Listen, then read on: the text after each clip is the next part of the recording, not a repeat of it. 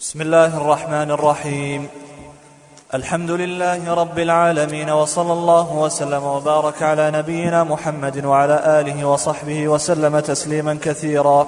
أما بعد اللهم اغفر لشيخنا وللحاضرين ولمن يسمع.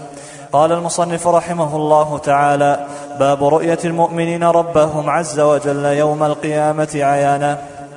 عيانا بكسر العين عيانا. باب رؤية المؤمنين ربهم عز وجل يوم القيامة عيانا. قال أخبرنا محمد بن علي بن محمد السني. قال أخبرنا محمد بن إبراهيم عنا قال أخبرنا محمد بن إبراهيم بن نافع إملاء. قال حدثنا موسى بن هارون. قال حدثنا خلف بن هشام. قال حدثنا أبو شهاب الحناط. عن إسماعيل بن أبي خالد. عن قيس بن أبي حازم. عن جرير رضي الله عنه أنه قال كنا مع النبي صلى الله عليه وسلم في سفر فنظر إلى القمر ليلة البدر فقال إنكم سترون ربكم عز وجل عيانا كما ترون هذا لا تغتامون في رؤيته فإن استطعتم الا تغلبوا على صلاة قبل طلوع الشمس وقبل الغروب فافعلوا ثم قرأ وسبح بحمد ربك قبل طلوع الشمس وقبل الغروب. بسم الله الرحمن الرحيم. الحمد لله رب العالمين. صلى الله وسلم وبارك على عبد الله ورسوله نبينا محمد وعلى آله وصحبه أجمعين. أما بعد فقد سبق بالأمس الكلام على الإسراء والمعراج. والإسراء معناه في اللغة هو السفر ليلا. والمراد به شرعا السفر برسول الله صلى الله عليه وسلم ليلا على البراق صحبة جبرائيل من مكة إلى بيت المقدس. والمعراج مفعال من العروج. والمراد به المرقات التي يصعد فيها وهو كأس السلم. وهو صعود نبينا صلى الله عليه وسلم من بيت المقدس إلى السماء. و والإسراء ذكره الله تعالى في كتابه العظيم. فقال سبحان الذي أسرى بعبده ليلا من المسجد الحرام إلى المسجد الأقصى الذي باركنا حوله لنريه من آياتنا إنه هو السميع هو البصير. ومن انكر الإسراء من أنكر الإسراء برسول الله صلى الله عليه وسلم كفر. لأنه مكذب لله ولرسوله. مكذب للقرآن من أنكر الإسراء الإسراء وهو يعلم يبين له أن أن الله تعالى أخبر أنه أسرى بعبده ونبيه ليلا. فإذا علم ذلك وأصر حكم بكفره لأنه مكذب لله تعالى. وكذلك المعراج. المعراج ثابت. ثابت في الأحاديث الصحيحة. البخاري ومسلم قد تلقتهم الأمة بالقبول وهما يفاد يفيد العلم. ولهذا من أنكر من أنكر وكفر و والصواب كما سبق أن الإسراء والمعراج في ليلة واحدة. في ليلة واحدة. أسري به عليه الصلاة والسلام من بيت المقدس من مكة إلى بيت المقدس فربط البراق بالحلقة حلقة باب المسجد التي يربط بها الأنبياء ثم جمع الأنبياء للنبي صلى الله عليه وسلم وصلى بهم إماما فظهر فضله عليه الصلاة والسلام. ثم صعد وعرج به إلى السماء ولقي الأنبياء. والأنبياء لقيهم. كيف لقيهم؟ وهم وهم أموات. الجواب أن أن أن أن لقي أرواحهم. الروح تأخذ شكل الجسد. تأخذ شكل الجسد. رأى موسى على هيئته رأى والروح لها شأن. تختلف عن الإنسان ولهذا فإن لها, لها صعود وطيران بسرعة. الآن النائم ينام الآن روحه بعيدة. لكن بسرعة إذا ضربت رجله جاءت الروح بسرعة وانتبه. فموسى فالنبي صلى الله عليه وسلم لما أسري به مر بقبر موسى. قالوا فوجده قائما يصلي في قبره. فلما صعد إلى السماء وجده في السماء السادسة. السادسة. روح تصعد فكما حقه العلم الروح تأخذ شكل الجسد.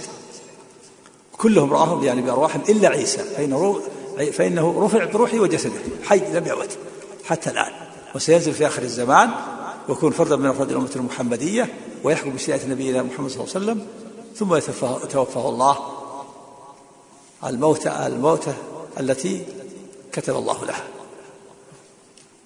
ويمكث جاء في بعض الأحاديث سبع سنين ويدفن بجوار نبينا صلى الله عليه وسلم. والصواب أن الإسراء والمعراج بروحه وجسده. يقظة لا مناما مرة واحدة. قال بعض العلماء الإسراء إنما كان مناما يسري به مناما. وهذا قول ضعيف لأنه لو لو كان الإسراء مناما لما لما كذبت قريش. قريش كذبوا بالإسراء. كذبوا بالمعراج واستعظموا هذا الأمر وارتد جماعة ممن آمن. قالوا كيف؟ كيف يصل قالوا قريش كيف الآن يا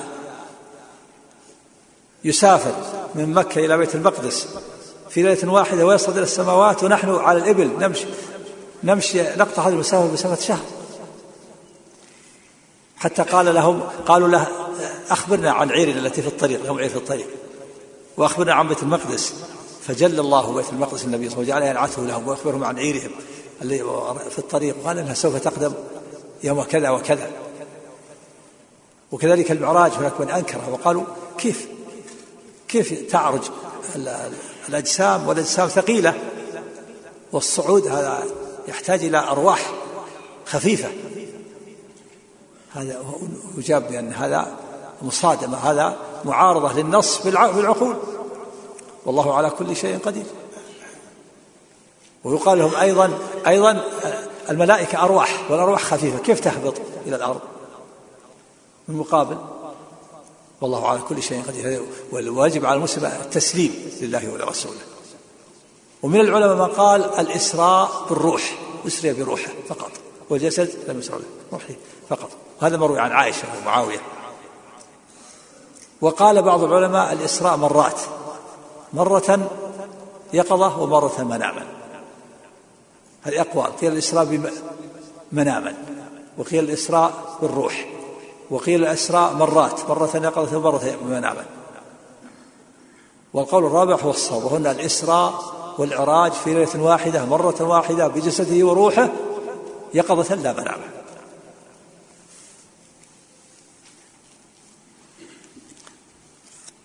هذا الباب هو الباب الثالث هو الباب الثالث الثلاثين من أبواب هذه الرسالة. الأربعون في دلائل التوحيد لأبي إسماعيل عبد الله محمد بن علي الأنصاري الهروي الصوفي الحنبلي. يقول باب رؤية المؤمنين ربهم عز وجل يوم القيامة عيانا عيانا بكسر العين. مصدر عاين يعاين عيانا. باب رؤية المؤمنين بربهم عز وجل يوم عيانا يعني معاينة يعني بأعينهم يرونه بأعينهم. ذكر المؤلف رحمه الله تعالى في هذا الباب حديث. حديث جرير لعبد الله الجلي البجلي رضي الله عنه. قال كنا مع النبي صلى الله عليه وسلم في سفر فنظر إلى القمر ليلة البدر فقال إنكم سترون ربكم عز وجل عيانا كما ترون هذا لا تغتامون لا تغتامون في رؤيته. في اللفظ الآخر في البخاري لا تضامون. لا يعني لا يصيبكم ضيم وروي بتشديد الإمام لا تضامون في رؤيته. قال فإن استطعتم ألا تغلبوا على صلاة قبل طلوع الشمس وقبل الغروب فافعلوا ثم قرأ وسبح بحمد ربك قبل طلوع الشمس وقبل الغروب. رؤية المؤمن لربهم عز وجل يوم القيامة عيانا بأبصارهم ثابت في القرآن العظيم وفي السنة المطهرة. في القرآن العظيم يقول الله تعالى وجوه يومئذ ناظرة إلى ربها ناظرة. وجوه يومئذ ناظرة ناظرة من النظرة وهي النعيم. إلى ربها ناظرة من النظر بالأبصار. والله تعالى أضاف النظر إلى الوجوه. و وأخلى الماء. وأخلى المقام من قرينة تنافي ذلك. فدل على أن المراد النظر بالعين التي في الوجه إلى الرب جل جلاله. وجوه يومئذ ناظرة إلى ربها ناظرة. وقال سبحانه كلا عن الكفار كلا إنهم عن ربهم يومئذ لمحجوبون. استدل الإمام الشافعي رحمه الله بهذه الآية على رؤية المؤمنين لربهم يوم القيامة. فقال لما أن حجب هؤلاء في السخط دل على أن المؤمنين يرونه في الرضا. ولو كان المؤمنون لا يرون ربهم لتساووا هم وأعداؤه في الحجب الله تعالى حجب الكفار. قال محجوبون. إذا المؤمنون ليسوا محجوبين. ولو كان المؤمن محجوبون لتساوى هم الكفار. دل على أنهم يرونه. وقال سبحانه وتعالى لهم ما يشاءون فيها ولدينا مزيد. جاء تفسير المزيد بأنه النظر إلى وجه الله الكريم. وأن المؤمنين لهم ما يشاءون في الجنة ولدينا مزيد وهو النظر إلى وجه الله الكريم الذي هو أعلى نعيم في الجنة. وقال سبحانه للذين أحسنوا الحسنى وزيادة. ثبت في صحيح مسلم. ثبت في صحيح مسلم أن الزيادة هي النظر إلى وجه الله الكريم. للذين أحسنوا الحسنى الحسنى الجنة. وزيادة النظر إلى وجه الله الكريم. والأدلة كثيرة. من السنة أيضا على إثبات رؤية المؤمنين لربهم يوم القيامة. من ذلك ما ثبت في صحيح أبي هريرة في الصحيح عن أبي هريرة رضي الله عنه أن النبي صلى الله عليه وسلم قال إنكم ترون ربكم كما ترون الشمس صحوا ليس دونها سحاب. إنكم ترون ربكم كما ترون الشمس صحوا ليس دونها سحاب. وفي وثبت في بخاري عن ابي موسى الاشعري رضي الله عنه قال جنتان من ذهب آنيتهما وما فيهما وجنتان من فضة آنيتهما وما فيهما. وما بين القوم وبين أن يروا ربهم إلا رداء الكبرياء على وجهه في جنة عدن. وحديث أبي وحديث جرير بن عبد الله البجلي ذكره المؤلف. قال كنا مع النبي صلى الله عليه وسلم في سفر فنظر إلى القمر ليلة البدر وفي لفظ فنظر إلى القمر ليلة أربع عشرة. فقال إنكم سترون ربكم عز وجل عيانا كما ترون هذا وأشار القمر. لا تضامون في رؤيته. فإن استطعتم ألا تغلبوا على صلاة قبل طلوع الشمس وصلاة قبل الغروب فافعلوا. وقوله إنكم ترون ربكم كما ترون هذا هذا تشبيه للرؤية بالرؤية وليس تشبيه لله بالقمر. الله لا يشبه أحدا من مخلوقاته. فهل المراد بالحديث أن الله يشبه القمر؟ لا. الله لا يشبه أحدا من خلقه. قال تعالى ليس كمثل شيء. لكن المراد تشبيه الرؤية بالرؤية. والمعنى أنكم ترون ربكم رؤية واضحة من فوقكم كما أنكم ترون القمر رؤية واضحة من فوقكم. فهو تشبيه الرؤية بالرؤية لا بالمرء بالمرء. وقوله فإن استطعتم ألا تغلبوا على صلاة قبل طلوع الشمس وقبل الغروب فافعلوا. الصلاة التي قبل طلوع الشمس ما هي؟ صلاة الفجر. والصلاة التي قبل غروب الشمس صلاة العصر. وفي هذا الحث على الصلاة قبل طلوع الشمس وقبل الغروب. والحديث يستفاد منه يستنبط منه أهل العلم على أن المحافظة على صلاة الفجر وصلاة العصر من أسباب رؤية الله النظر إلى وجه الله الكريم. لهذا قال إنكم ترون ربكم ثم قال فإن استطعتم ألا تغلبوا على صلاة قبل طلوع الفجر وقبل طلوع الشمس وقبل غروبها ففعلوا وهما البردان وفي الحديث من صلى البردين دخل الجنة والبردان الفجر والعصر. وهذه تقع في أول النهار وهذه تقع في آخر النهار. والمؤمنون يرون ربهم عيانا. وقد أنكر أهل البدع رؤية الله عز وجل. أنكر ذلك المعتزلة والجهمية وقالوا إن المؤمنين إن, إن, المراد بالرؤية العلم. ومع ترون ربكم قالوا المعنى إنكم تعلمون ربكم كما تعلمون أن القمر قمر. انظر إلى إلى هذا المعنى الفاسد. أفسدوا معنى الحديث. إنكم ترون ربكم كما ترون القمر إنكم تعلمون ربكم كما تعلمون أن القمر قمر. لا تشكون أنه قمر. هذا انظر إلى إلى فساد المعنى والذي حملهم على ذلك عقولهم الفاسدة وآراءهم الكاسدة التي أولوا بها النصوص. ف, فالع... ف... و... والعلماء أنكروا عليهم وردوا عليهم وبينوا بطلان هذا التأويل. والرؤية إثبات الرؤية رؤية الله يوم القيامة رؤية الله المؤمنين وإثبات الكلام لله عز وجل وإثبات العلو. هذه الصفات الثلاث صفة العلو وصفة, وصفة الكلام وصفة الرؤية. هذه من الصفات التي اشتد النزاع فيها بين أهل السنة وأهل البدعة وهي من العلامات الفارقة بين أهل السنة وبين أهل البدعة. فمن أثبتها فهو من أهل السنة ومن نفاها فهو من أهل البدعة. رؤية المؤمنين لربهم يوم القيامة والكلام إثبات الكلام لله عز وجل وإثبات العلو. هذه من الصفات التي اشتد النزاع فيها بين أهل السنة وبين أهل الله. نعم بعد الأذان نكمل. تفضل. آه، ومن شبه شبه المعتزلة شبههم في إنكارهم الرؤية يقولون الذي يرى لا بد أن يكون جسما. لا بد أن يكون جسما. والله ليس بجسم. فلهذا أنكروا رؤية الله. وأنكروا العلو أيضا وأن الله في العلو. قالوا أيضا لا يكون آه، في جهة محددة في جهة إلا جسم ولا يرى للجسم. فهم أنكروا الرؤية وأنكروا العلو. ومآلهم إلى إنكار وجود الله. لا لا يرى ولا وليس في العلو وليس له مكان. ومختلط بالعالم. ومن شبههم يقولون إن الرؤية هنا المراد بها العلم. ودليل ذلك في قوله تعالى ألم ترى كيف فعل ربك بأصحاب الفيل؟ يعني ألم تعلم. قال أهل الحق نحن لا ننكر أن الرؤية تأتي بمعنى العلم وتأتي بمعنى الحلم وتأتي رؤية البصر والسياق هو الذي يحدد هذا. ألم ترى كيف فعل ربك بأصحاب الفيل؟ معلوم أن الرسول ما حضر أصحاب الفيل عام الفيل هو اليوم العام الذي ولد فيه النبي صلى الله عليه وسلم. فالمعنى ألم تعلم يا محمد كيف فعل ربك بأصحاب الفيل؟ وكذلك رؤية المنام.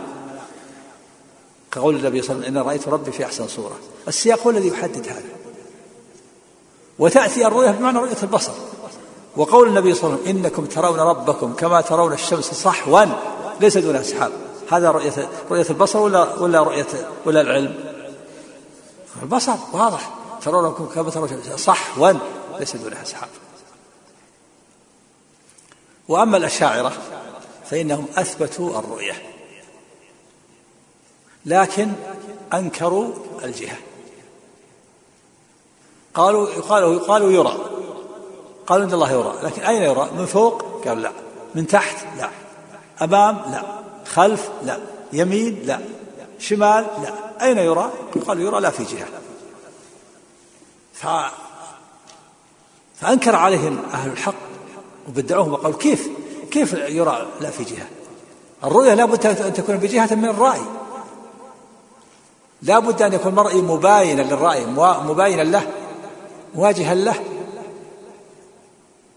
وضحك العقلاء والصبيان من قولهم إنه يرى لا في رؤية لا في جهة. ما يمكن. لا بد أن تكون الرؤية في جهة من الرأي. فكونه يرى لا في جهة هذا باطل. والأشاعرة في هذا هم أحياء مذبذبون لا إلى هؤلاء ولا هؤلاء. دائما مذهبهم بين بين من؟ بين أهل السنة وبين المعتزلة. يريدون أن يكونوا مع المعتزلة ويريدون أن يكونوا مع أهل السنة. فهم كانوا مع مع المعتزلة في إنكار العلو وكانوا مع السنة في إثبات الرؤية. فعجزوا. فسلكوا مسكا سوفسطائيا فقالوا يرى, يرى لا في جهة فتسلط عليهم المعتزلة وقالوا كلامكم هذا غير معقول. كيف يرى لا في جهة؟ يجب عليكم أن تنكروا أن تنكروا الرؤية حتى تكونوا معنا. أو تثبتوا العلو حتى تكونوا أعداء لنا مثل السنة. أما تبقوا تبقوا مذبذبين لا إلى هؤلاء ولا هؤلاء فهذا غير معقول.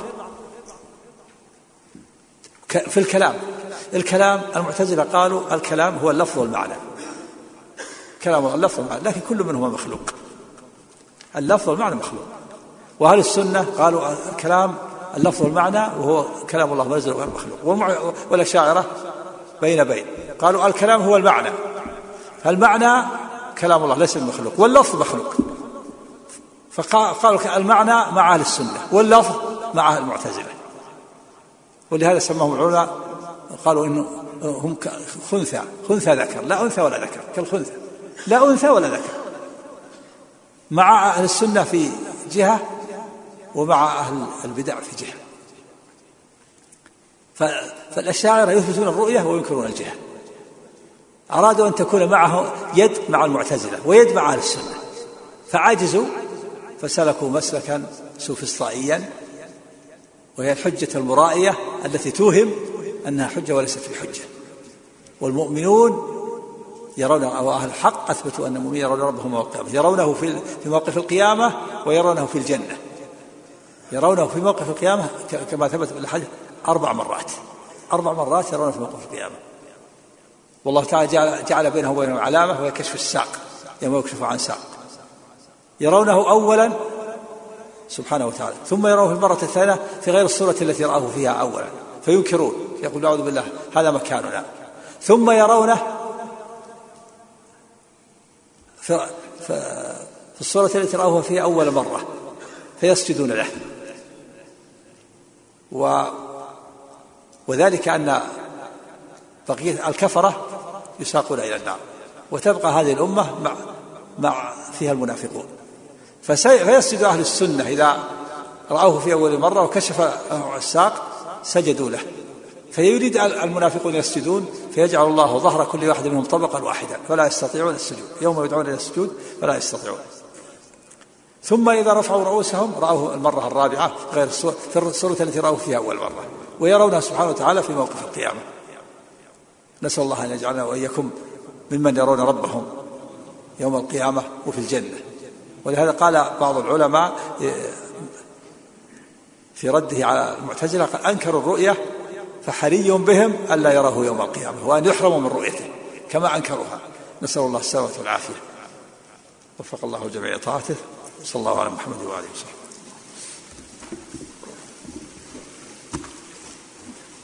بسم الله الرحمن الرحيم. قال المصنف رحمه الله تعالى باب رؤيتهم إياه عز وجل في الجنة. قال حدثنا الحاكم محمد بن محمد بن عبد الله الأزدي قال أخبرنا أبو إسحاق القراب قال أخبرنا أبو يعلى قال حدثنا حوثرة بن أشرس قال حدثنا حماد بن سلمة عن ثابت البناني عن عبد الرحمن بن أبي ليلى عن صهيب رضي الله تعالى عنه عن النبي صلى الله عليه وسلم في قوله عز وجل للذين أحسنوا الحسنى وزيادة قال الحسنى الحسنى الجنة والزيادة النظر إلى وجه الله عز وجل. بسم الله الرحمن الرحيم. الحمد لله رب العالمين.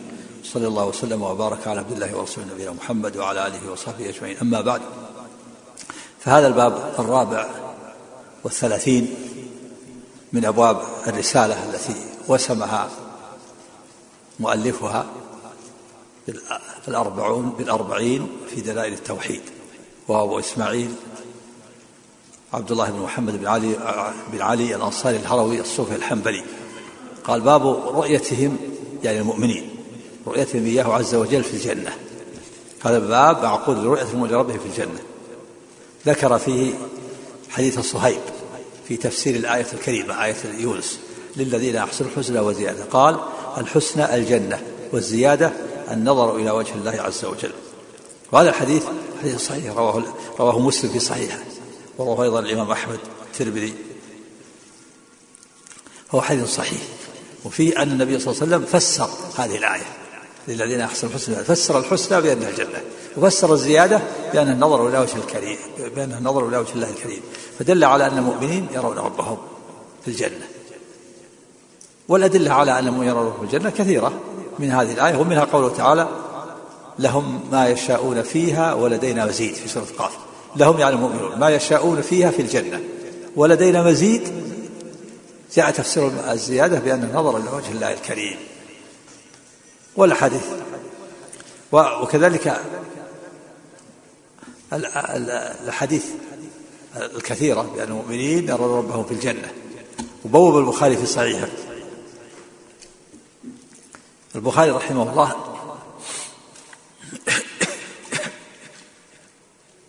البخاري رحمه الله بوب في صحيح قال باب رؤية المؤمنين لربهم في الجنة.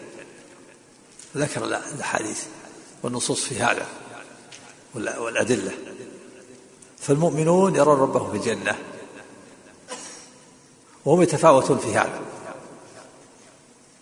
على حسب أعمالهم درجاتهم في الجنة.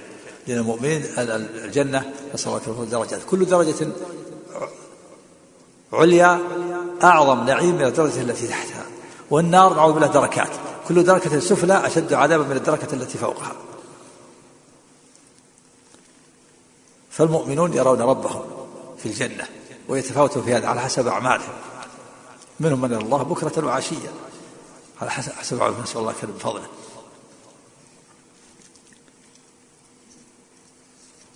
فالمؤمنون يرون ربهم في موقف القيامة ويرون ويرونه في الجنة. أما الكفار فإنهم محجوبون عن الله.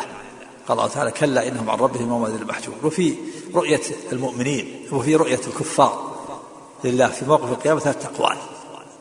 لأهل العلم قيل إن الكفار يرونه في موقف القيامة ثم يحتجب عنهم. وتكون هذه الرؤية عذاب عليهم. عذاب. ومثال ذلك السارق إذا أتي به إلى إلى ولي الأمر ثم رآه وقطع يده أو أو جلده. لا يستفيد هذه الرؤية يستفيد عذاب.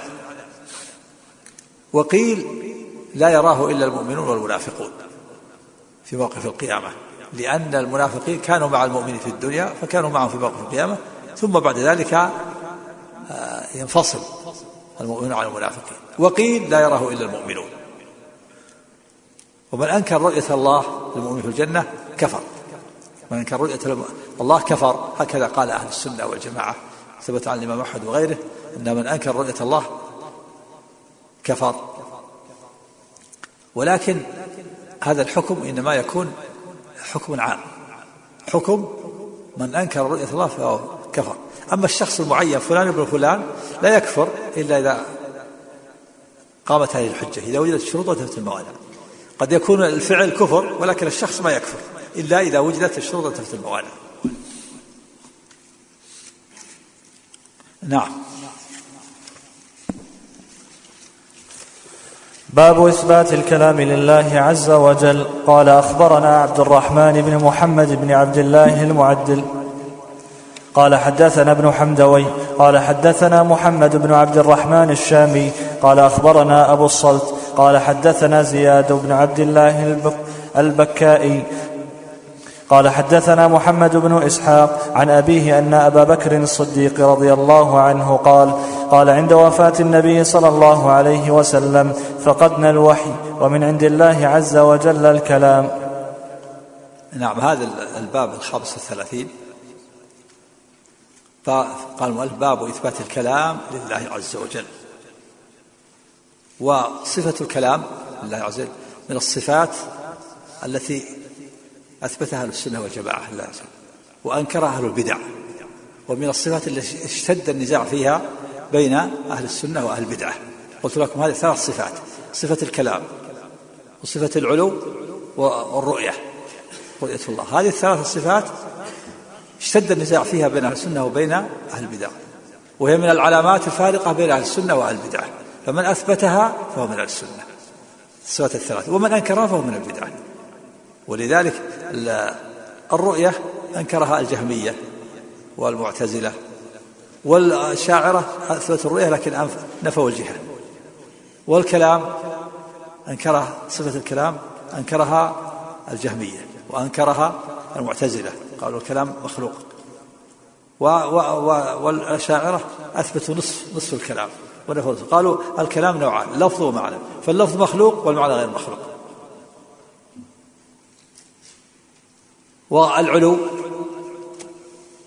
أنكرها أنكره أهل الجهمية والمعتزلة والأشاعرة فإذا هذه الصفات الثلاث من الصفات التي اشتد فيها النزاع بين أهل السنة وأهل البدع وهي من العلامات الفارقة بين أهل السنة وأهل البدع.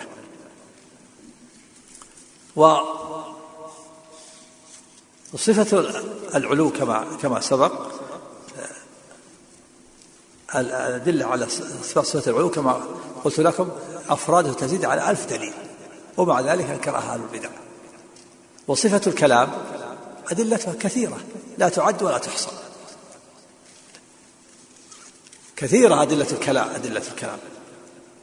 قال الله تعالى وكلم الله موسى تكليما.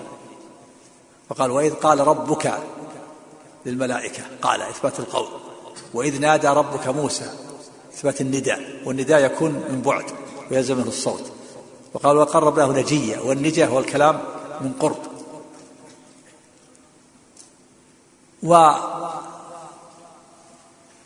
ونصوص الوحي كلها في إثبات الكلام لله عز وجل. والرسالات أنزلها التي أنزلها الله على الأنبياء كلها الكلام. وهذه الصفة وهي صفة الكلام أدلتها كثيرة جدا. كل نص فيه أن الله قال أو تكلم أو نادى أو ناجى أو أوحى أو أنزل. كلها فيها إثبات صفة الكلام. الله نوعها الله. فإنكارها إنكار إنكار للرسالات إنكار للوحي. فهي من أكثر الأدلة في ثبوت هذه الصفة. نوعها الله عز وجل. وأنت إذا نظرت في القرآن الكريم وجدت يعني النصوص الكثيرة التي فيها إثبات الكلام كثيرة جدا. لو عددتها لوجدتها كثيرة. كل نص فيه كلم نادى ناجى قال يقول أوحى يوحي أمر نهى وصى كل هذه في إثبات الكلام.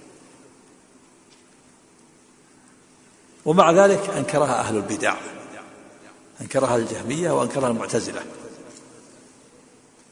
وقالوا الكلام مخلوق كما الكلام اللفظ والمعنى مخلوق. الله لم يتكلم بحرف وصوت كلام الله قالوا المعتزلة قالوا كلام الله لفظ ومعنى وحرف وصوت لكنه مخلوق في غيره. ويضاف إليه التشريف والتكريم. والجهمية أنكروا والأشاعرة أثبتوا نصف الكلام. قالوا الكلام لفظ ومعنى. فاللفظ مخلوق والمعنى غير مخلوق. الأشاعرة اللي هم أقرب الطوائف إلى أهل السنة. ويسمون أنفسهم أهل السنة وهي من الصفات السبع التي يثبتونها. ما هي الصفات السبع؟ الحياة والكلام والبصر والسمع والعلم والقدرة والإرادة. الكلام من الصفات التي يثبتها الأشاعرة لكن لم يثبتها على وجهها. قالوا الكلام ما هو الكلام عند الأشاعرة؟ معنى قائم بالنفس. لا يسمع وليس بحرف ولا صوت. ليس بحرف ولا صوت. كلام معنى قائم بالنفس ليس بحرف ولا صوت. وقالوا إن الرب لا لا يسمع منه كلام ولا يستطيع أن يتكلم جعلوا الرب أبكر. نعوذ بالله. لا يستطيع الكلام. وقالوا وشبهتهم في هذا. قالوا لو قلنا الكلام حرف صوت ولفظ معنى للزم من ذلك حلول الحوادث في ذات الرب. لأن الأصوات حادثة والحروف حادثة والألفاظ حادثة. فلو قلنا إن كلام الله لفظ ومعنى للزم حلول الحوادث بذات الرب. والحوادث مخلوقة. هذه شبهتهم لكن يقال إن, إن هذا يلزم في المخلوق. أما الخالق فلا يلزم. الخالق يتكلم بلفظ ومعنى يليق بجلاله وعظمته. طيب كيف كيف نزل هذا القرآن عند الأشاعرة؟ إذا كانوا يقول الكلام ما هو بحروف ولا أصوات ولا ألفاظ. القرآن حروف وألفاظ. كيف نزل القرآن؟ قالوا القرآن هذا ليس من كلام الله. المعنى من الله. أما الألفاظ والحروف هذه من جبريل. قالوا الله تعالى اضطر جبريل اضطرارا ففهم المعنى القائم بالنفس بنفسه فعبر بهذا القرآن. الرب ما يستطيع يتكلم عنده ما يستطيع يتكلم بحرف الصوت. إنما الكلام معنى قائم في نفسه مثل العلم. فاضطر جبريل اضطرار حتى فهم المعنى القائم بنفسه ثم عبر بهذا القرآن. فالقرآن عبر عبارة عبر به جبريل. وقال الطائفة الأخرى من الأشارة لا الذي عبر به محمد.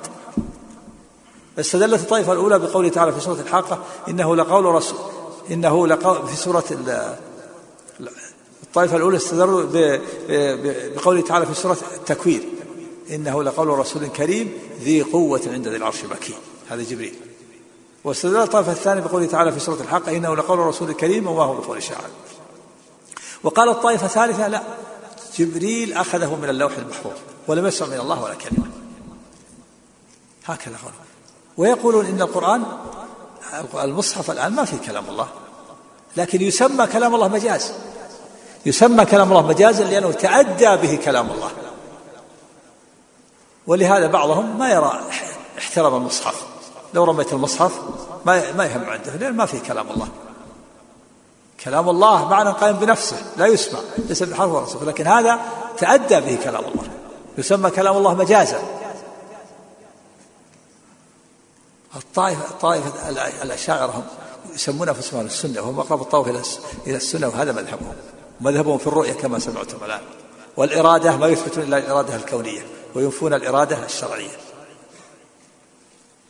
هذا مذهب وينكرون الأسباب الأسباب والطباع ويقول إن العبد مجبور على أفعاله.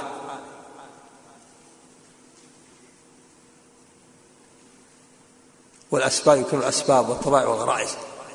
حتى تعرفوا مذهب أن مذهب السنة ليس هو مذهب الأشاعرة بعض الناس يقول أهل السنة ثلاث طوائف الأشاعرة والماتريدية وأهل السنة. ويسمون أهل الأشاعرة من السنة. أهل الأشاعرة صحيح ما قربوا إلى السنة ويثبتون السبع الصفات لكن ليسوا من أهل السنة. هم من أهل السنة فيما وافقوا أهل السنة. ومما خالفوا أهل السنة ليسوا من أهل السنة. و وكلام الله دلت عليه نصوص كثيرة لا حصر لها. وهو معلوم من الدين بالضرورة.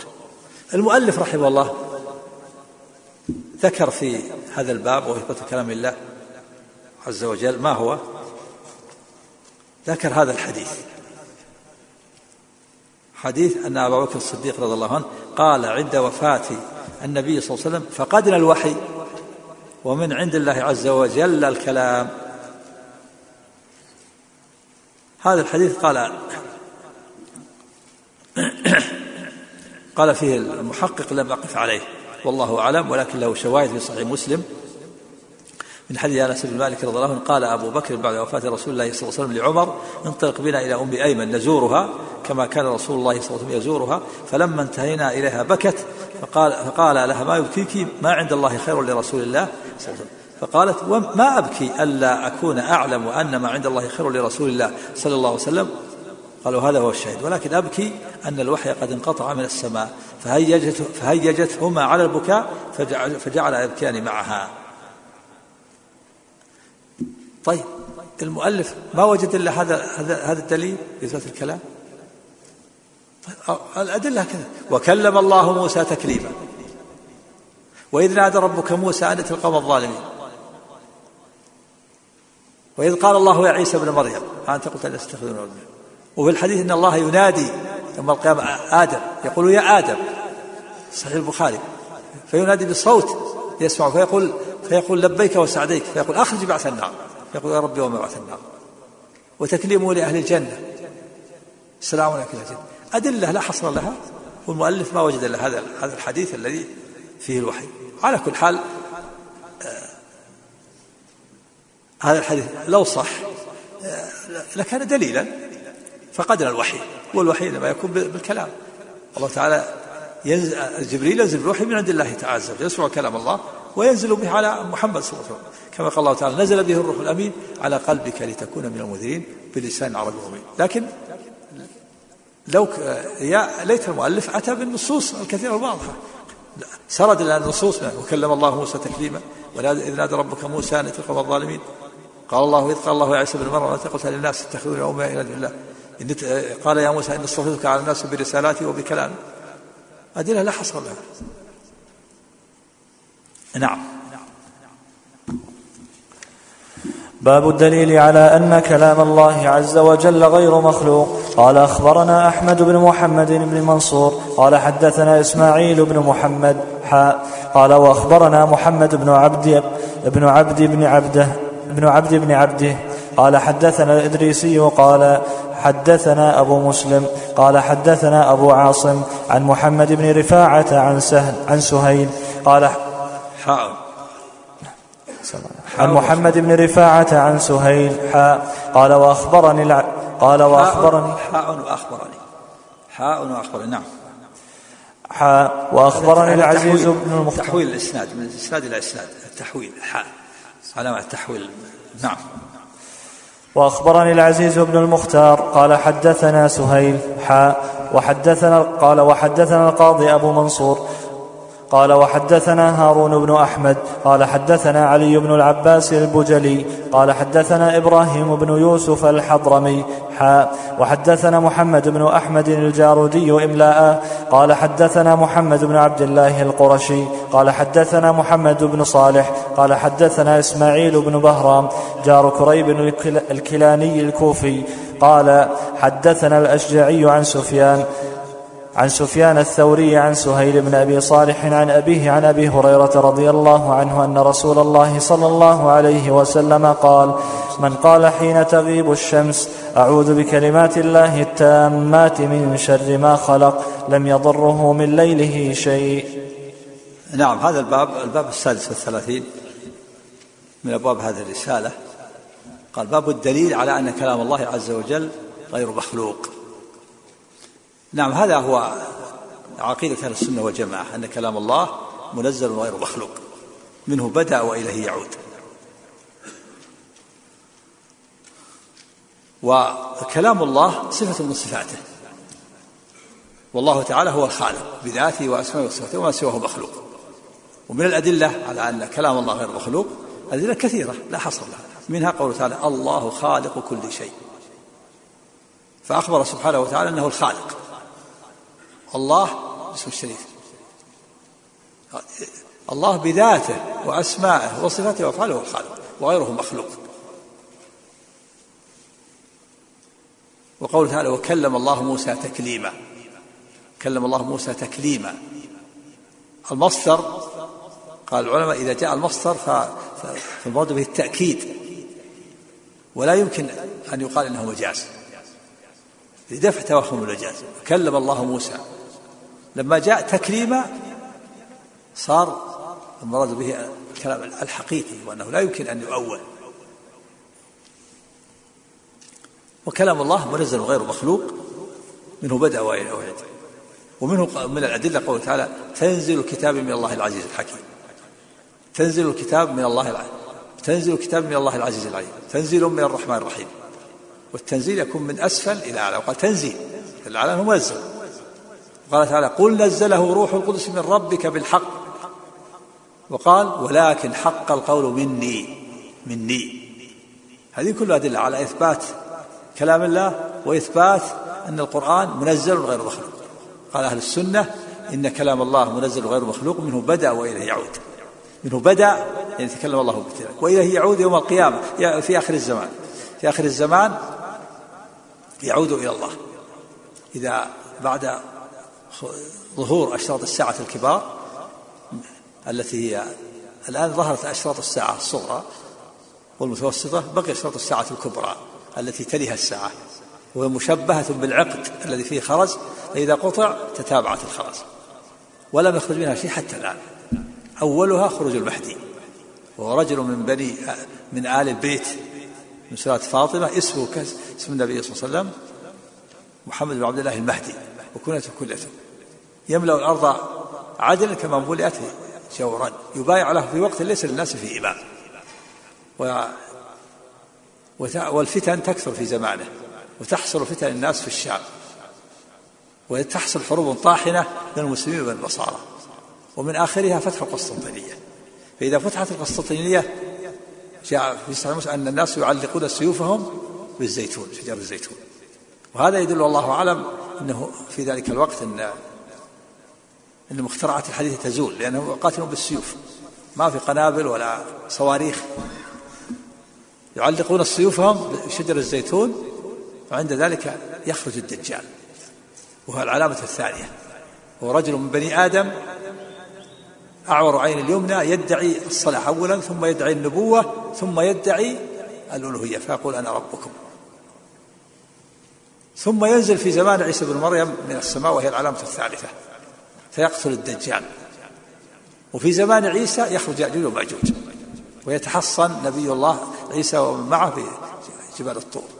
هذه أربعة أربع علامات متوالية ومرتبة وهي أول شرط. أولا المهدي وفي زمانه تخرج الدجال وفي زمانه ينزل عيسى بن مريم وفي زمانه يخرج يأجوج ومأجوج. ثم تتوالى بقية أشراط الساعة. ومنها دخان. الدخان وهو الخامس يملأ الأرض ويصيب المؤمن كهيئة الزكام ويؤذي الكافر يدخل في عينه وسمعه وبصره. ومنها نزع القرآن من الصدور ومن المصاحف. وهذا هو العلامة. وهذا ما قول السنة منه بدأ وإلى يعود. إذا ترك الناس العمل بالقرآن في آخر الزمان نزع من الصدور ومن المصاحف. فيصبح الناس لا يجدون في صدورهم آية ولا في ولا في مصاحفهم آية نعوذ بالله. وهذا من أعظم المصائب.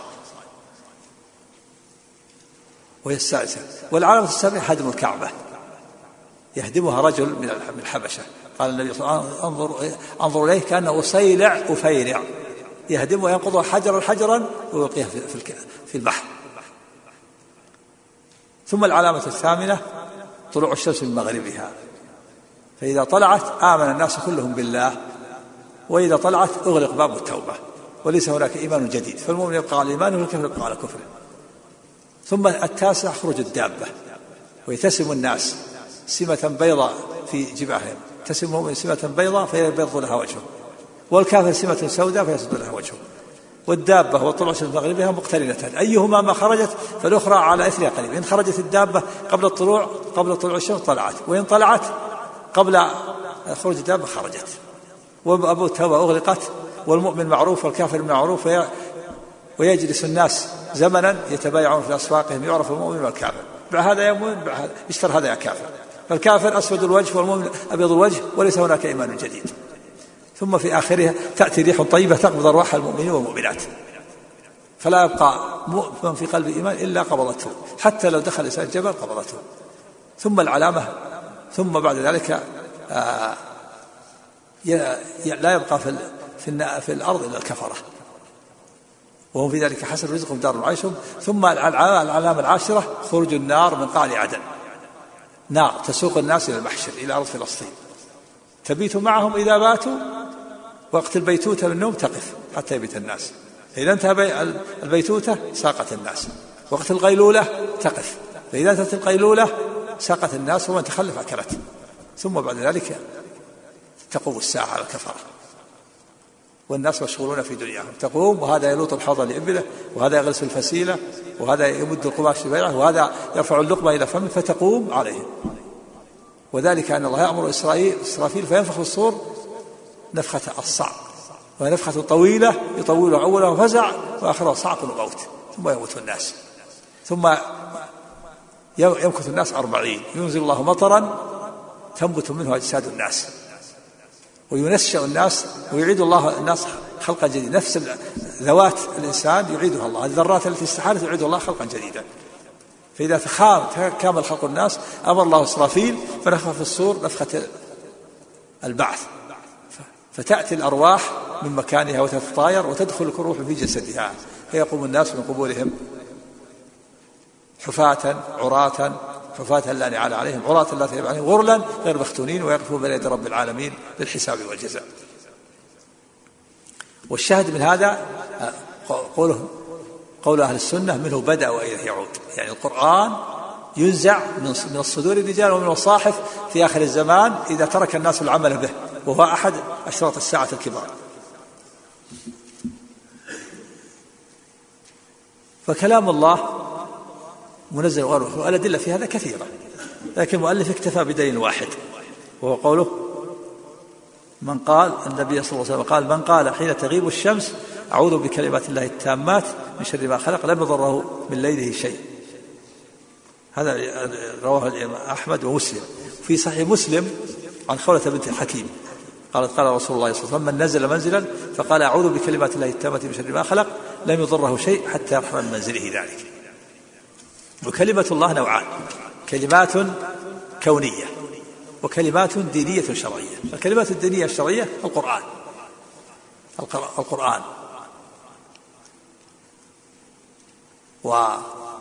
وكتب الله المنزلة. والكلمات الكونية هي ما تكلم الله من قوله لشيء كن فيكون. والكلمات التي لا يجاوزها شر أعوذ بكلمات الله التامات من شر ما خلق. في الحديث الآخر أعوذ بكلمات الله التامة التي لا يجاوزهن بر ولا فاجر. الكلمات التي لا يجاوزها بر ولا فاجر هي الكلمات الكونية. كقوله سبحانه كل شيء كن فيكون. أما الكلمات الدينية والشرعية تجاوزها الفاجر. القرآن كلمة الله الدينية. يقول الله تعالى وأقيموا الصلاة. والفاجر لا يقيم الصلاة يتجاوزها. لكن الكلمات الدينية إذا قال الله كل شيء يكون ولا أحد يمتنع ولا يجاوزه فالدليل على أن كلام الله منزل غير مخلوق أدلة كثيرة كما سمعتم من القرآن ومن السنة. كل آية فيها تنزيل نزولكم من أسفل الأعلى تنزيل الكتاب نزل به الروح الأمين ولكن حق القول مني. الله خالق كل شيء. كل هذه أدلة على أن كلام الله منزل غير مخلوق. نعم.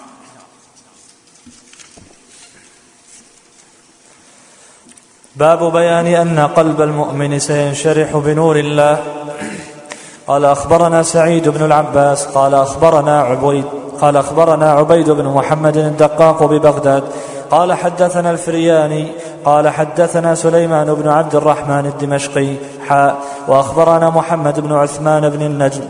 قال حدثنا الحسين بن أحمد قال حدثنا محمد بن المسيب قال حدثنا أبو عيسى قال حدثنا أيوب بن سويد حاء وأخبرنا عبد الجبار قال أخبرنا ابن محبوب قال حدثنا أبو عيسى قال حدثنا الحسن بن عرفة قال حدثنا إسماعيل بن عباس حاء وأخبرنا عبد الرحمن بن أبي محمد المكتب وغيره. قالوا حدثنا عبد الرحمن بن أحمد قال قالوا حدثنا عبد الرحمن بن أحمد الملحدي قال حدثنا ابن منبع قال حدثنا داود بن أبي هند قال حدثنا إسماعيل بن عباس قال حدثنا يحيى بن أبي عمرو الشيباني وقال سليمان بن عبد الرحمن. يقول الصواب السيباني.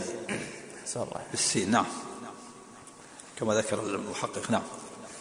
وقال سليمان بن عبد الرحمن قال حدثنا أبو زرعة يحيى بن أبي عمرو الشيباني عن عبد الله بن الديلمي عن عبد الله بن عمرو بن العاص رضي الله عنه أنه قال قال رسول الله صلى الله عليه وسلم إن الله تبارك وتعالى خلق خلقه في ظلمة فألقى عليهم من نوره فمن أصابه من ذلك النور اهتدى ومن أخطأه ضل فلذلك أقول جف القلم على علم الله عز وجل نعم هذا الباب السابع والثلاثين. عقده المؤلف البيان قال باب بيان أن قلب المؤمن سينشرح بنور الله. وذكر حديث عبد الله بن عمرو قال قال رسول الله صلى الله عليه وسلم تبارك الله وتعالى إن الله تبارك وتعالى خلق خلقه في ظلمة فألقى عليهم من نوره فمن أصابه من ذلك النور اهتدى ومن أخطأه ضل. فلذلك يقول جف القلم على علم الله عز وجل. هذا الحديث ضعيف كما ذكر المحقق وحاشيه قال إنه ضعيف رواه أحمد الترمذي من طرق عن عبد الله بن الديلمي. هو ضعيف. وقال أبو عيسى هذا حديث حسن. قال المحقق فيه يحيى بن أبي عمرو السيباني. قال فيه أبو حاتم وأبو زرعة لم يسمع من ذي مخبر بينهما عمرو بن عبد الله الحضرمي.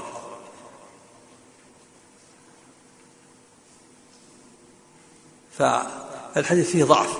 لكن قلبه من ينشرح بنور الله دل عليه أدلة. آه، قوله تعالى في سورة في سورة الزمر آه، نعم.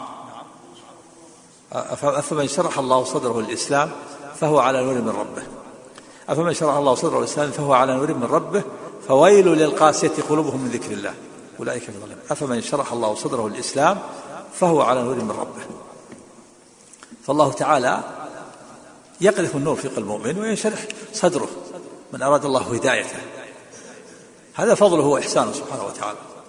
ومن خذله فإنه لا يقبل الحق. قال تعالى فمن يرد الله أن يهديه يشرح صدره للإسلام ومن يريد أن يضله يجعل صدره ضيقا حرجا كأنما يصعد في السماء. كذلك يجعل الله الرجس على الذين لا يؤمنون.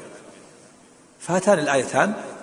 قد يقال إن آه، إن هذا الحديث وإن كان ضعيف لكن تشهد له يشهد له الآيات الكريمات.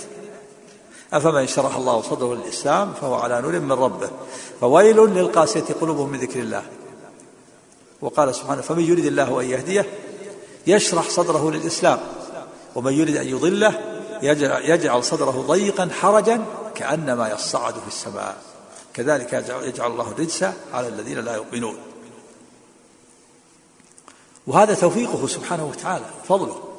فلله تعالى على المؤمن نعمة دينية خصه بها دون الكافر. حبب إليه الإيمان وجعله يقبل الحق ويرضى به ويختاره. جعله راشدا وزين الإيمان في قلبه ولكن الله حبب إليكم الإيمان وزينه في قلوبكم وكره إليكم الكفر والفسوق والعصيان. أولئك هم الراشدون فضلا من الله ونعمة. هذا فضله وإحسانه سبحانه وتعالى. فعلى المؤمن أن يغتبط بهذه النعمة وأن يسأل الله الثبات على الإيمان وأن يسأل الله أن ينور قلبه ويشرح صدر الإسلام. وقال سبحانه أيضا دليل ثالث أيضا الله نور السماوات والأرض. مثل نوره كمشكاة فيها مصباح المصباح في زجاجة الزجاجة كأنها كوكب دري. قال جمع المفسرين الله نور مثل نوره في قلب المؤمن مثل نوره في قلب المؤمن. الله نور السماوات والأرض مثل نوره كمشكاة فيها مصباح المصباح في زجاجة الزجاجة كأنها كوكب دري. يوقد من شجرة مباركة زيتونة لا شرقية ولا غربية يكاد زيتها يضيء ولو لم تمسسه ولو لم تمسسه نار نور على نور. يهدي الله لنوره من يشاء ويضرب الله الأمثال للناس والله بكل شيء عليم. ما مناسبة هذا الباب لدلائل التوحيد؟ الرسالة الأربعون في دلائل التوحيد. هل هذا فيه دليل على التوحيد؟ نعم. نعم. يقال نقول إن المؤمن الذي شرح الله صدر الإسلام يقبل الحق. يقبل الحق وينظر في في الأدلة يوفقه الله للنظر في الأدلة ويستدل بها على الحق. فتكون الأدلة مقبولة واضحة أمامه. ومن خذله الله فلا يرى الأدلة ولا يبصرها. ولا يوفق لقبولها. فمن شرح الله صدره ونور قلبه قبل الحق وعرف الدلائل على توحيد الله عز وجل واستدل بها على قدرة الله ووحدانيته واستحقاقه العبادة وأنه المعبود بالحق وأنه له, الكمال في ذاته وأسمائه وصفاته وأفعاله. في هذا تتضح مناسبة هذا الباب آه، للدلائل دلائل التوحيد. نعم. باب الانتهاء عن التعمق في صفات الله عز وجل. قال أخبرنا الإمام عمر بن إبراهيم. قال أخبرنا بشر عن أحمد. قال حدثنا الهيثم بن خلف. قال حدثنا بشر بن الوليد. حا وحدثنا محمد بن محمد بن عبد الله بن محمود. قال حدثنا محمد بن العباس العصمي. قال حدثنا محمد بن معاذ أن الفريابي حدثني حا وأخبرنا عمر بن إبراهيم قال أخبرنا عبد الله بن عمر الجويبري قال حدثنا أحمد بن محمد الكشميهني كشميهني. الكشميهني. الكشميهني. قال أخبرنا الفريابي قال حدثنا علي بن ثابت قال حدثنا الوازع قال حدثنا الوازع بن نافع عن سالم بن عبد الله عن أبيه رضي الله عنه أن عن النبي صلى الله عليه وسلم أنه قال تفكروا في آلاء الله عز وجل ولا تفكروا في الله عز وجل. نعم هذا هذا هو الباب الثامن والثلاثين من أبواب هذه الرسالة. عنه له المؤلف بقوله باب الانتهاء عن التعمق في صفات الله عز وجل. باب الانتهاء عن التعمق في صفات الله عز وجل. ما معنى التعمق؟ نعم. التعمق كون الإنسان آه، يتجاوز حد حد النظر ويصل إلى حد العمق والزيادة في التأمل والنظر. والوصول إلى الحق يزيد على ذلك فيتجاوز ما حد له من الاستدلال في الصفات الأعلى وحدانيته والتأمل فيزيد على ذلك ويتقعر ويتعمق حتى يتجاوز الحد ويكون عنده غلو. النهي عن التعمق في صفات الله استدل المؤلف بحديث سالم بن عبد الله بن عمر عن أبيه عبد الله بن عمر عن النبي صلى الله عليه وسلم عن النبي صلى الله عليه وسلم قال تفكروا في آلاء الله ولا تتفكروا في الله عز وجل. التفكر هو التأمل والنظر. وآلاء الله يعني مخلوقات الله. ولا تتفكروا في الله يعني في ذات الله. فهي فيها فيها الأمر بالتفكر في المخلوقات والنهي عن التفكر في في ذات الله عز وجل. تفكر في مخلوقات الله يعني في السماوات والأراضين. قال الله تعالى ويدل على ذلك الأدلة الكثيرة. قال تعالى قل انظروا ماذا في السماوات والأرض. قل انظروا ماذا في السماوات والأرض. من الآيات التي تدل على قدرة الله ووحدانيته قال قل سيروا في الأرض. قل سيروا في الأرض. فانظروا كيف كان عاقبة الذين من قبل كان أكثر مشرك فسيحوا في الأرض. أمر الله بقول فسيحوا في الأرض. سيروا في الأرض انظروا ماذا في السماوات والأرض. إن في خلق السماوات والأرض واختلاف الليل والنهار وما خلق الله في السماوات والأرض لآيات لقوم يتقون. إن في خلق السماوات والأرض واختلاف الليل والنهار. إن في إن, في خلق السماوات والأرض واختلاف الليل والنهار لآيات لأولي الألباب الذين يذكرون الله قياما وقعودا وعلى جنوبهم ويتفكرون في خلق السماوات والأرض. إذا هذه النصوص من كتاب الله فيها التفكر والتأمل والنظر في مخلوقات الله. والاستدلال بذلك على قدرة الله ووحدانيته. تأمل في هذا السماء العظيمة. وكذلك قول أفلا ينظرون إلى إلى الإبل كيف خلقت وإلى السماء كيف رفعت وإلى الجبال كيف نصبت وإلى الأرض كيف سطحت تفكر. تفكر في الإبل في خلقتها تفكر في السماء تفكر في الأرض تفكر في الجبال كيف نصبت وقال سبحانه أفلم ينظروا إلى السماء فوقهم؟ كيف بنيناها؟ وزيناها؟ وما لها من فروج؟ والأرض مددناها وألقينا فيها رواسي وأنبتنا فيها من كل زوج بهيج تبصرة وذكرى لكل عبد منيب. وقال سبحانه ولقد جعلنا في السماء بروجا وزيناها للناظرين وحفظناها من كل شيطان رجيم. والأدلة كثيرة من كتاب الله فيها التفكر والتأمل والنظر في مخلوقات الله والاستدلال بها على قدرة الله ووحدانيته. في آية يونس الآيات لقوم يوقنون وفي آية آل عمران إن في خلق السماوات والأرض اختلاف الليل والنهار لآيات لأولي الألباب أولي الألباب أصحاب العقول. السليمة التي أرشدتهم عقولهم إلى النظر والتأمل في مخلوقات الله. تتأمل مخلوقات الله وتستدل بها على قدرة الله ووحدانيته. وأما التفكر في ذات الله فلا ت... فإن الإنسان لا يستطيع أن يحيط بالله علما. قال سبحانه ولا يحيطون به علما. وكذلك لا تستطيع أن تحيط بصفاته. تأمل في صفات الله عز وجل. أما التفكر في ذات الله فلا.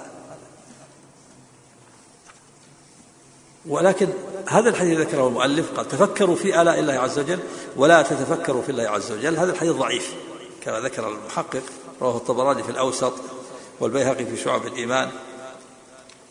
وقال الطبراني لم يروى هذا الحديث لم يروي هذا الحديث عن سالم إلا الوازع. تفرد به علي بن ثابت. وأورده الهيثمي في مجمع الزوائد وقد رواه الطبراني في الأوسط وفي الوازع نافع وهو متروك.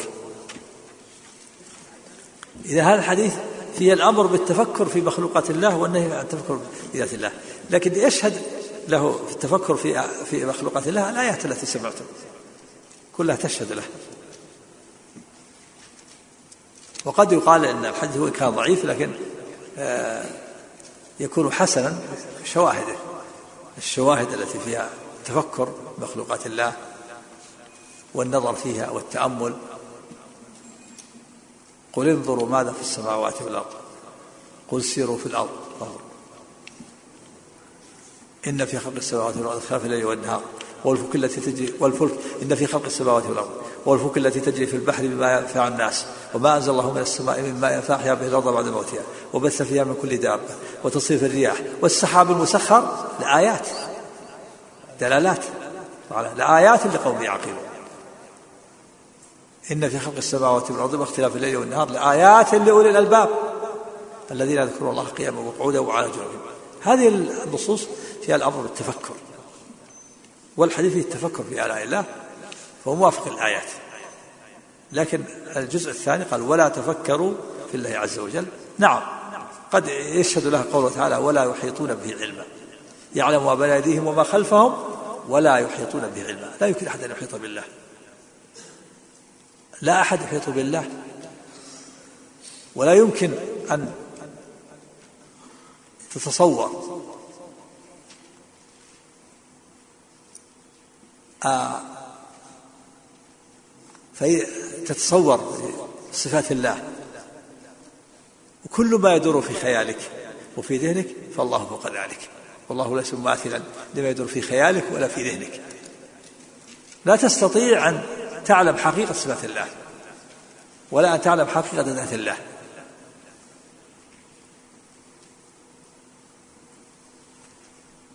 إنما حسبك أن تتأمل آيات الله الكونية وتتأمل في صفات الله وتستدل بها على قدرة الله وعظمته. وسع رب كل شيء رحمة وعلما كل شيء وسع كل شيء رحمة وعلما تعمل في صفات الله. قول قال يقال ولا تفكروا في الله عز وجل لكن التأمل في صفات الله مطلوب. في الحديث أن الله تعالى يضع السماوات في أصبع والأراضين يوم القيامة والأراضين في أصبع والماء والثراء على أصبع والجبال على أصبع وسائر الخلق على أصبع ثم يهزون بيده. فيقول أين ملوك؟ وقال سبحانه والسماوات مطويات بيمينه. تفكر في عظمة الله عز وجل. والسماوات مطوية بيمينه. وفي الحديث ما السماوات السبع والأرض السبع في يد الرحمن إلا كخردلة. في يد أحدكم خردل حبة صغيرة.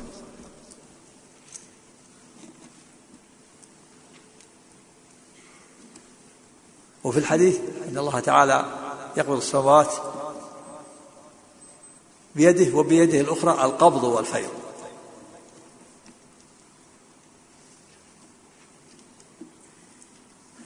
والمؤمنون يرون ربهم يوم القيامة ويدهشون ولهذا في أول مرة ينكرون إذا راوه بالدهش الدهش الذي أصابهم. عظمة الله عز وجل. إذا كان المخلوق إذا كان الإنسان لا يحيط بالمخلوق أنت الآن ترى السماء لكن لا تحيط بها. ما ترى أطرافها. ترى الجبل الذي مسافة ساعات لكن لا تحيط به حتى تركب السيارة وتدور عليه. البستان الذي مسافة عشرة كيلو في عشرة كيلو. أنت تراه لكن لا تحيط به الرؤية حتى تدور إذا كان هذا المخلوق لا تحيط به فكيف يحيط الإنسان بالله؟ ولا يحيطون به علما. فالحديث وكان ضعيفا تشهد له النصوص التي فيها الأمر بالتفكر في مخلوقات الله والاستدلال بها على قدرة الله ووحدانيته. والتفكر في ذات الله كذلك انه يتفكر في عظمة الله وفي صفاته. سبحانه وتعالى. نعم. باب الرد على مستحل الكلام المجادلين في الله عز وجل. قال أخبرنا عبد الله بن عبد الجبار. قال حدثنا محمد بن أحمد بن محبوب. قال حدثنا أبو عيسى. قال حدثنا عبد بن حميد. قال حدثنا محمد بن بشر العبدي ويعلى بن عبيد. عن حجاج بن دينار. عن أبي غالب. أبو غالب هذا اسمه حر. حزور اسمه حزور القرشي بصري يقال له مولى بأهله. مولى باهلة. مولى باهلة. عن أبي أمامة رضي الله عنه أنه قال قال رسول الله صلى الله عليه وسلم ما ضل قوم بعد هدى كانوا عليه إلا أوتوا الجدل ثم تلا رسول الله صلى الله عليه وسلم هذه الآية ما ضربوه لك إلا جدلا بل هم قوم خصمون. وقال أبو عيسى هذا حديث صحيح. نعم هذا الباب التاسع والثلاثين من باب الرسالة وهو الباب الأخير آخر الأبواب وبه ختم المؤلف الرسالة. قال باب الرد على مستحل الكلام المجادلين في الله عز وجل. ثم ذكر حديث أبي أمامة. قال قال رسول الله صلى الله عليه وسلم ما ضل قوم بعد هدى كانوا عليه إلا أوتوا الجدل. ثم تلا رسول الله صلى الله عليه وسلم هذه الآية ما ضربوه لك إلا جدلا بل هم قوم خصمون. قال أبو عيسى هذا حديث صحيح. وهذا الحديث ضعيف كما ذكر المحقق قال رواه أحمد والترمذي وابن ماجه من طريق حجاج بن دينار عن أبي غالب عن أبي أمامة. قال أبو, قال أبو عيسى هذا حديث حسن صحيح. إنما نعرفه من حديث حجاج بن دينار. وحجاج هذا ثقة مقارب الحديث وأبو غالب اسمه حزوار. وهذا حجاج بن دينار في كلام لأهل العلم. قال ابن مبارك ثقة قال أحمد ليس به بأس. قال ابن أبي خيثمة صدوق ليس به بأس. قال زهير بن حرب ويعقوب بن أبي شيبة العجلي ثقة. قال أبو زرع صالح صدوق مستقيم الحديث. لا بأس به. قال الدرقطني ليس بالقوي. قال حافظ في التقريب حزور صاحب أبي أمامة بصري نزل أصبهان فهذا الحديث حكم عليه المحقق بأنه ضعيف. وأقوال العلم الآن منهم من من وثق كلمة المبارك يقول ثقة. قال أحمد ليس ليس به بأس. وابن معين يقول صدوق. وأبو زرع يقول صالح مستقيم الحديث. والدار قطني يقول ليس بالقوي.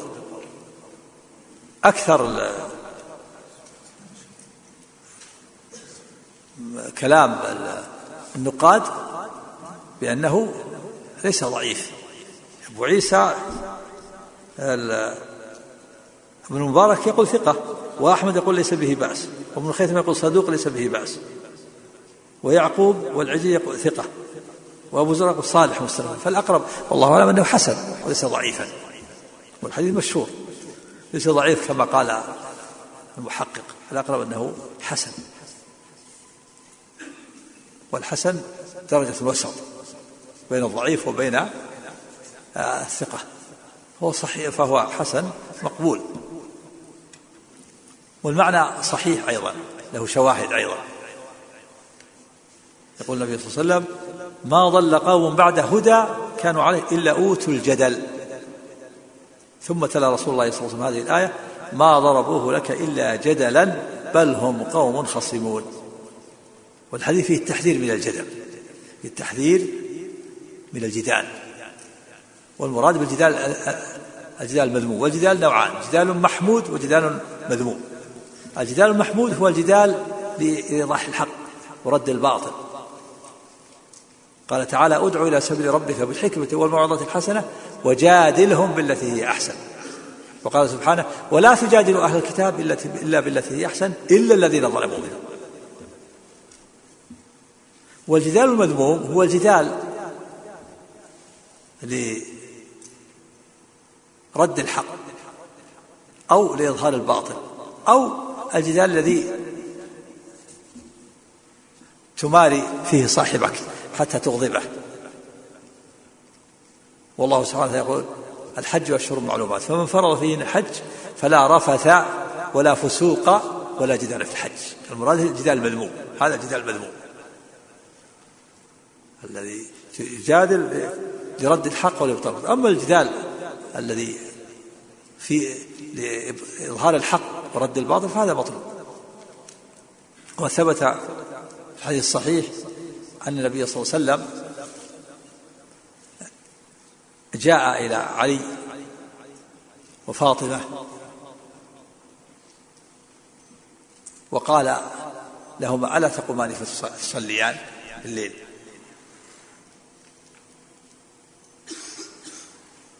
فقال علي رضي الله عنه يا رسول الله إنما أنفسنا بيد الله إن شاء أن يبعثها بعثها.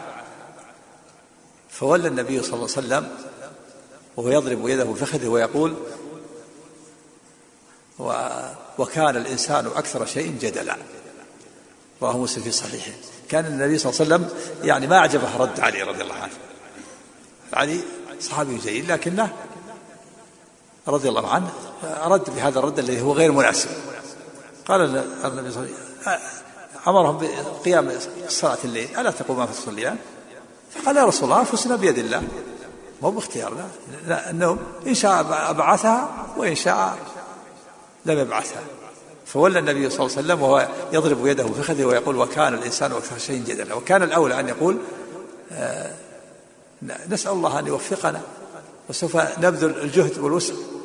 لكنه رضي الله عنه هكذا رضي الله عنه وهو صحابي جليل من أهل الجنة مشهود لهم قال يا رسول الله أنفسنا بيد الله إن شاء أن يبعثها بعثها. فلم يعجب النبي صلى الله عليه وسلم هذا الرد فولى وهو يضرب يده فخذه ويقول وكان الإنسان أكثر شيء جدلا يعني هذا الجدل ما ينبغي هذا الرد ما ينبغي. فالجدال رواه مسلم الصحيح فالجدال جدالان جدال محمود وجدال مذموم. فالجدال المحمود هو الجدال لإيضاح الحق. ورد الباطل. والجدال المذموم هو الجدال الذي جدل في الصحابة لرد الباطل. الجدال هو لا هو أن يجادل لرد الحق. و وإظهار الباطل. وكذلك الجدال الذي تجادل فيه صاحبك حتى تغضبه. تغضبه. هذا لا فائدة فيه. وهو المراء وقال عليه الصلاة والسلام أنا زعيم ببيت في ربط الجنة لمن ترك المراء وإن كان محقا. فالمؤلف رحمه الله بوب هذا الباب قال باب الرد على مستحل الكلام المجادلين في الله عز وجل. إذا هذا الجدال هذا الجدال المذموم لأنه قال المجادلين في الله. قال تعالى الذين يجادلون في الله بغير حق. هذا هذا فيه ذم المجادل الذين يجادلون في الله بغير حق. الذين يجادلون في الله بغير حق اتاهم الآية الذين يجادلون نعم. بغير سلطان أتاهم. السلطان هو الدليل والحجة. الذي يجادل بغير سلطان فهو مذموم. الذين يجادلون في آية الله بغير سلطان أتاهم. هذا هو الجدال المذموم. يجادل بغير دليل. أما الذي عنده دليل ويجادل لإظهار الحق ورد الباطل هذا ليس ليس بمذموم. فالمؤلف أراد الرد على مستحل الجدال بالباطل. قال باب الرد على مستحل الكلام المجادل في الله عز وجل. ثم ذكر حديث أبي أمامة ما ضل قوم بعد بعد هدى بعد هدى كانوا عليه إلا أوتوا الجدال. استريح شوي بارك الله فيك. اجلس. يمكن نأخر الأذان وناخذ الأسئلة. قال رسول الله صلى الله عليه وسلم ما ضل قوم بعد هدى كانوا عليه إلا أوتوا الجدل. وهذا فيه ذم ذم الجدال بالباطل. ما ضل قوم الحديث حسن لا كما قال المحقق إنه إنه ضعيف. وفيه دليل على أن ال... الذين يضلون بعد هداية الله لهم يؤتون الجدل. عقوبة من الله. عقوبة من الله لهم. قال تعالى فلما زاغوا أزاغ الله قلوبهم. وقال سبحانه ونقلب أفئدتهم وأبصارهم كما لم يؤمنوا به أول مرة. هذه عقوبة. عقوبة لمن يجادل. من ضل بعد هدى أتاه الحق وعدل عنه يعاقب. أتاه الحق واضحا ثم رده يعاقب بصيغ القلب. وبتقليبه. فلما زاغوا أزاغ الله قلوبهم. ونقلب أفئدتهم وأبصارهم كما لم يؤمنوا بأولا ما ضل قوم بعد هدى إلا أوتوا الجدل. الجدل المذموم. هذا فيه. ثم تلا رسول الله صلى الله عليه وسلم ما ضربوه لك إلا جدلا بل هم قوم خصمون. هذا ذم الجدال. والمراد بالجدال كما سمعتم الجدال جدالان جدال محمود وجدال مذموم. بقي ما مناسبة هذا الباب دلائل الأربعون في دلائل التوحيد؟ المؤلف ذكر أربعون في دلائل التوحيد. ما مناسبة هذا الباب. الجدل. مناسبته أن أهل البدع يجادلون يجادلون في الأدلة التي تدل على الحق إثبات صفات إثبات صفات الله عز وجل. الذين يجادلون فأهل البدع من المعتزلة والأشاعرة والجميع وغيرهم يجادلون بالباطل يجادلون أهل الحق وينكرون صفات الله عز وجل ويؤولون الاستواء بالاستيلاء ويجادلون بالباطل ويردون النصوص والآيات ويتأولونها على غير تأويلها بالباطل. هذا من الجدال بالباطل. فالواجب على المسلم أن يقبل الحق وأن لا يجادل بالباطل وأن يثبت الأسماء وصفات الله عز وجل كما يليق بعظمته. وأن لا يسلك ما سلكه أهل البدع من تأويل النصوص. فالأشاعرة يقول الاستواء الاستواء ثم استوى العرش يقول معناه الاستيلاء. هذا من الجدال بالباطل من تأويل الباطل. النزول ينزل ربنا كل ليلة إلى سماء الدنيا قال ينزل أمره أو تنزل رحمته أو ينزل ملك هذا من الجدال بالباطل. والعلو وهو العلي العظيم. يخافون ربهم فوقهم قالوا هذا علو القدر وعلو القهر. أما علو الذات فالله ليس له علو الذات هذا من الجدال بالباطل فختم المؤلف رحمه الله هذا هذه الرسالة بالرد على مستحل الكلام المجادلين بالباطل. وذكر هذا الحديث وهو حديث لا بأس به ما ضل قوم بعد هدى كانوا عليه إلا أوتوا الجدل. هذا فيه التحذير من الجدل. تحذير من الجدال بالباطل. وتحذير أهل الحق من أن يسلكوا مسلك أهل البدع فيجادلوا بالباطل ويؤولوا صفات الله كما أولها أهل البدع.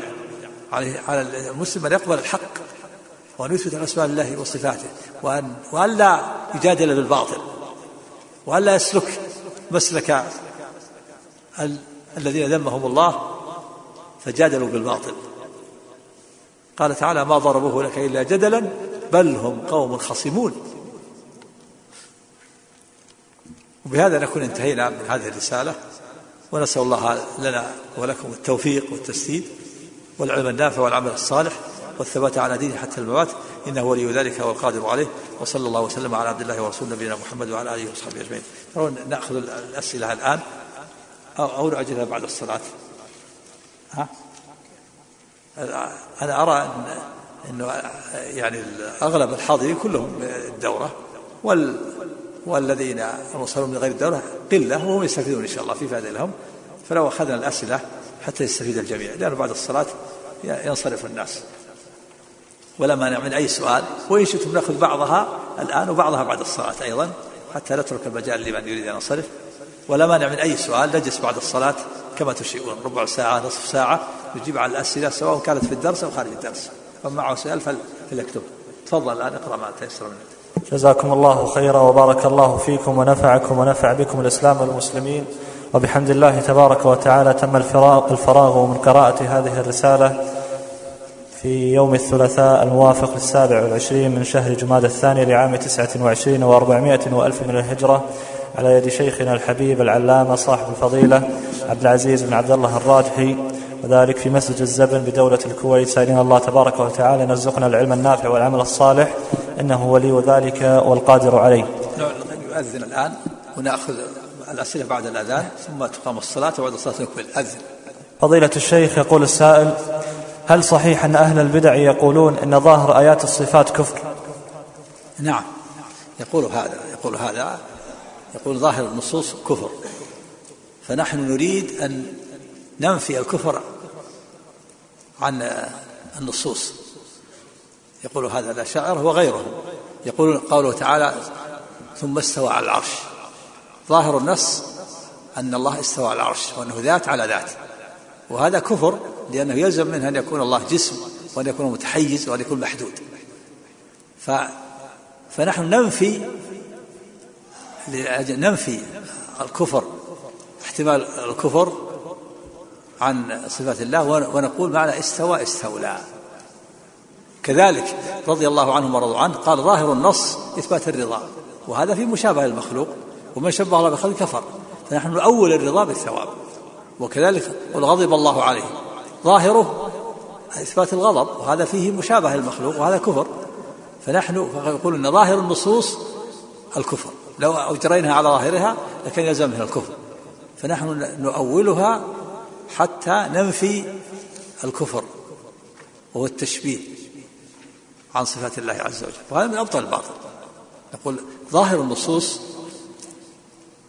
الله تعالى لا يرضى أن يكون ظاهر النصوص كفرا. والله والله تعالى أعلم وأحكم من أن يكون ظاهر كلامه وكلام رسوله صلى الله عليه وسلم الكفر والباطل. وأهل السنة وأهل الحق لا يرضون أن يكون ظاهر النصوص باطلا أو كفرا وظاهر النصوص الحق والصواب.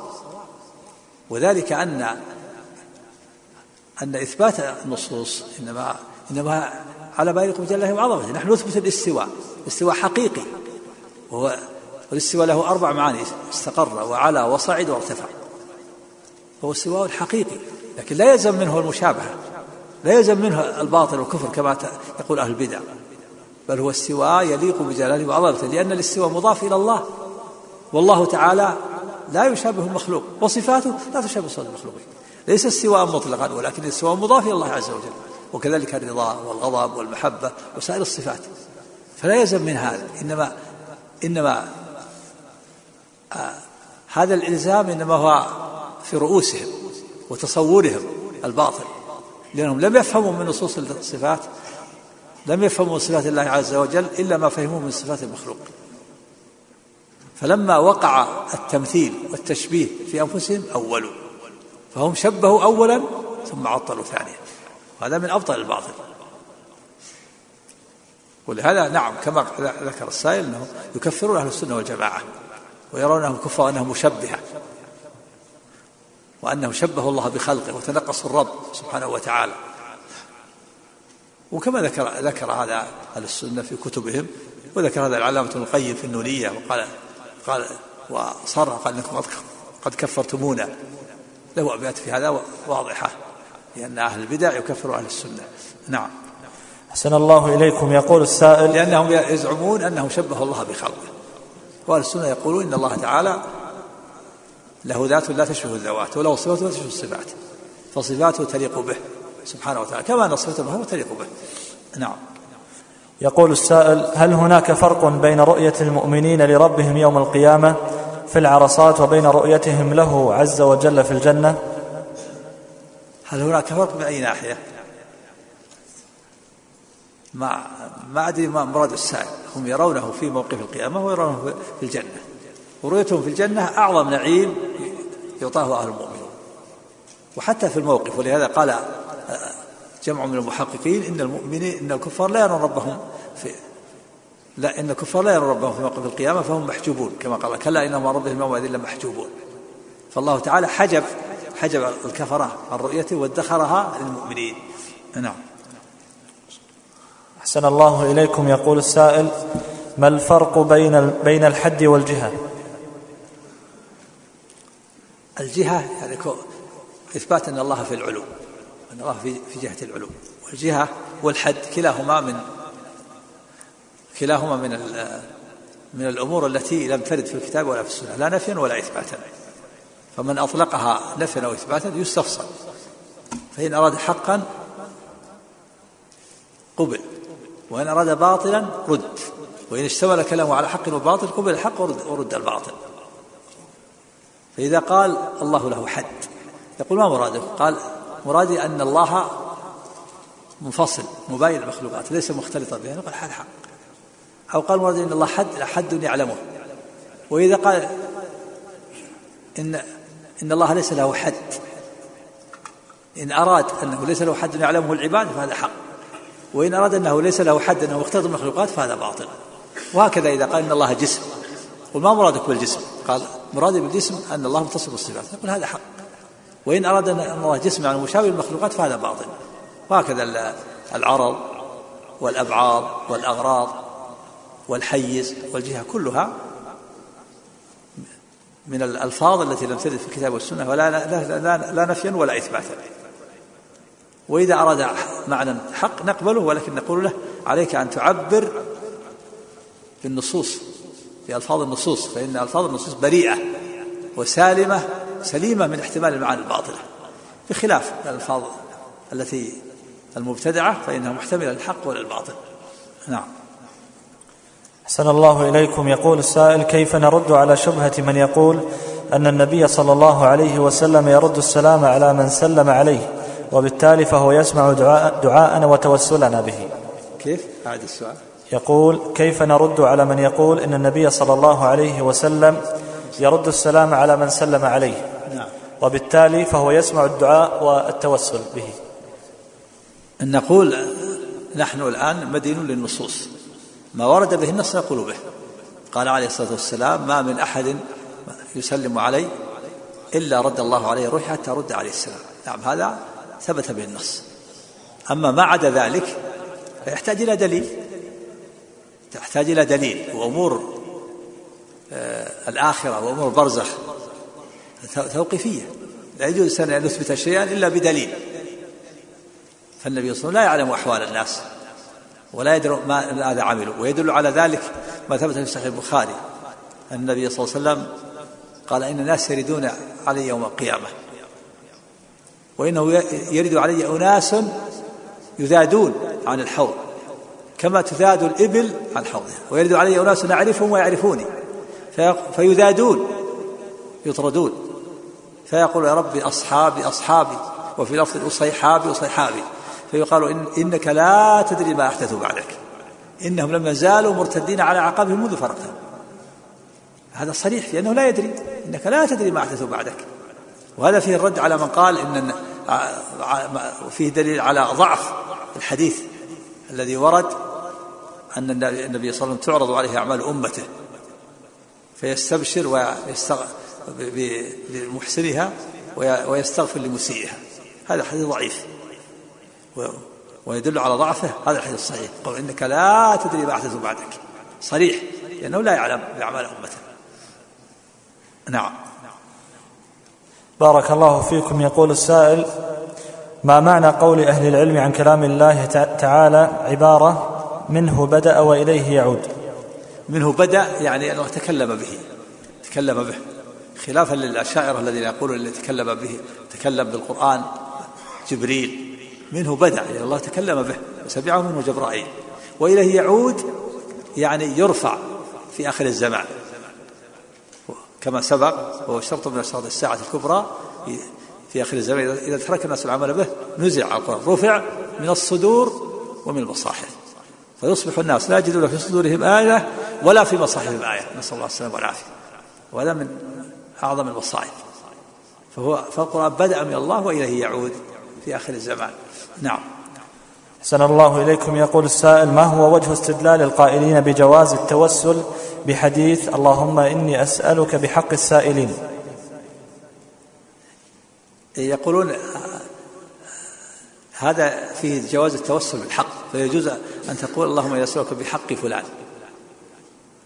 أو بجاه فلان أو بحرمة فلان.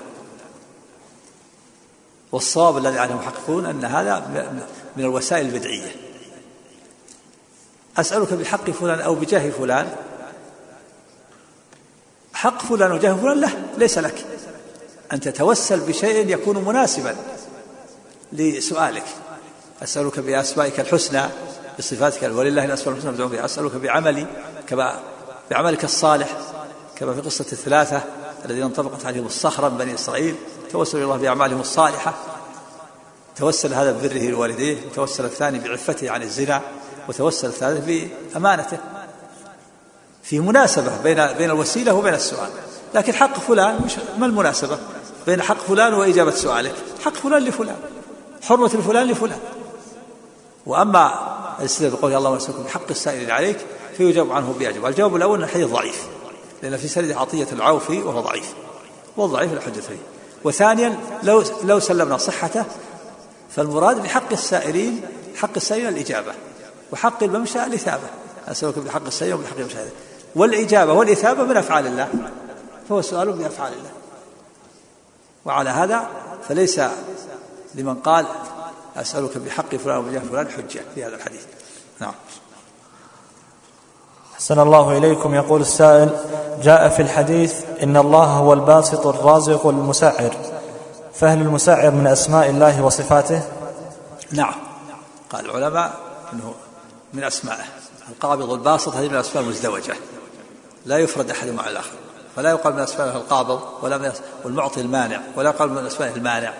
ولا من أسمائه الضار هذه أسماء مزدوجة لأنه إذا أفردت أحد مع الآخر صار صار معناه الذم يقال النافع الضار المعطي المانع القابض الباسط الخافض الرافع مزدوجة. النافع النافع الضار المعطي المانع القابض الباسط الخافض الرافع المساع فيه كذلك المسعر. هذا من أسماء الله. لما قيل النبي صلى الله عليه وسلم سعر لنا غلى السعر سعر لنا قال عليه الصلاة والسلام إن الله هو المسعر القابض الخافض الرافع وإني أرجو الله وإني أرجو أن ألقى الله ولا يطلبني أحد بمظلمة أو كما قال عليه الصلاة والسلام.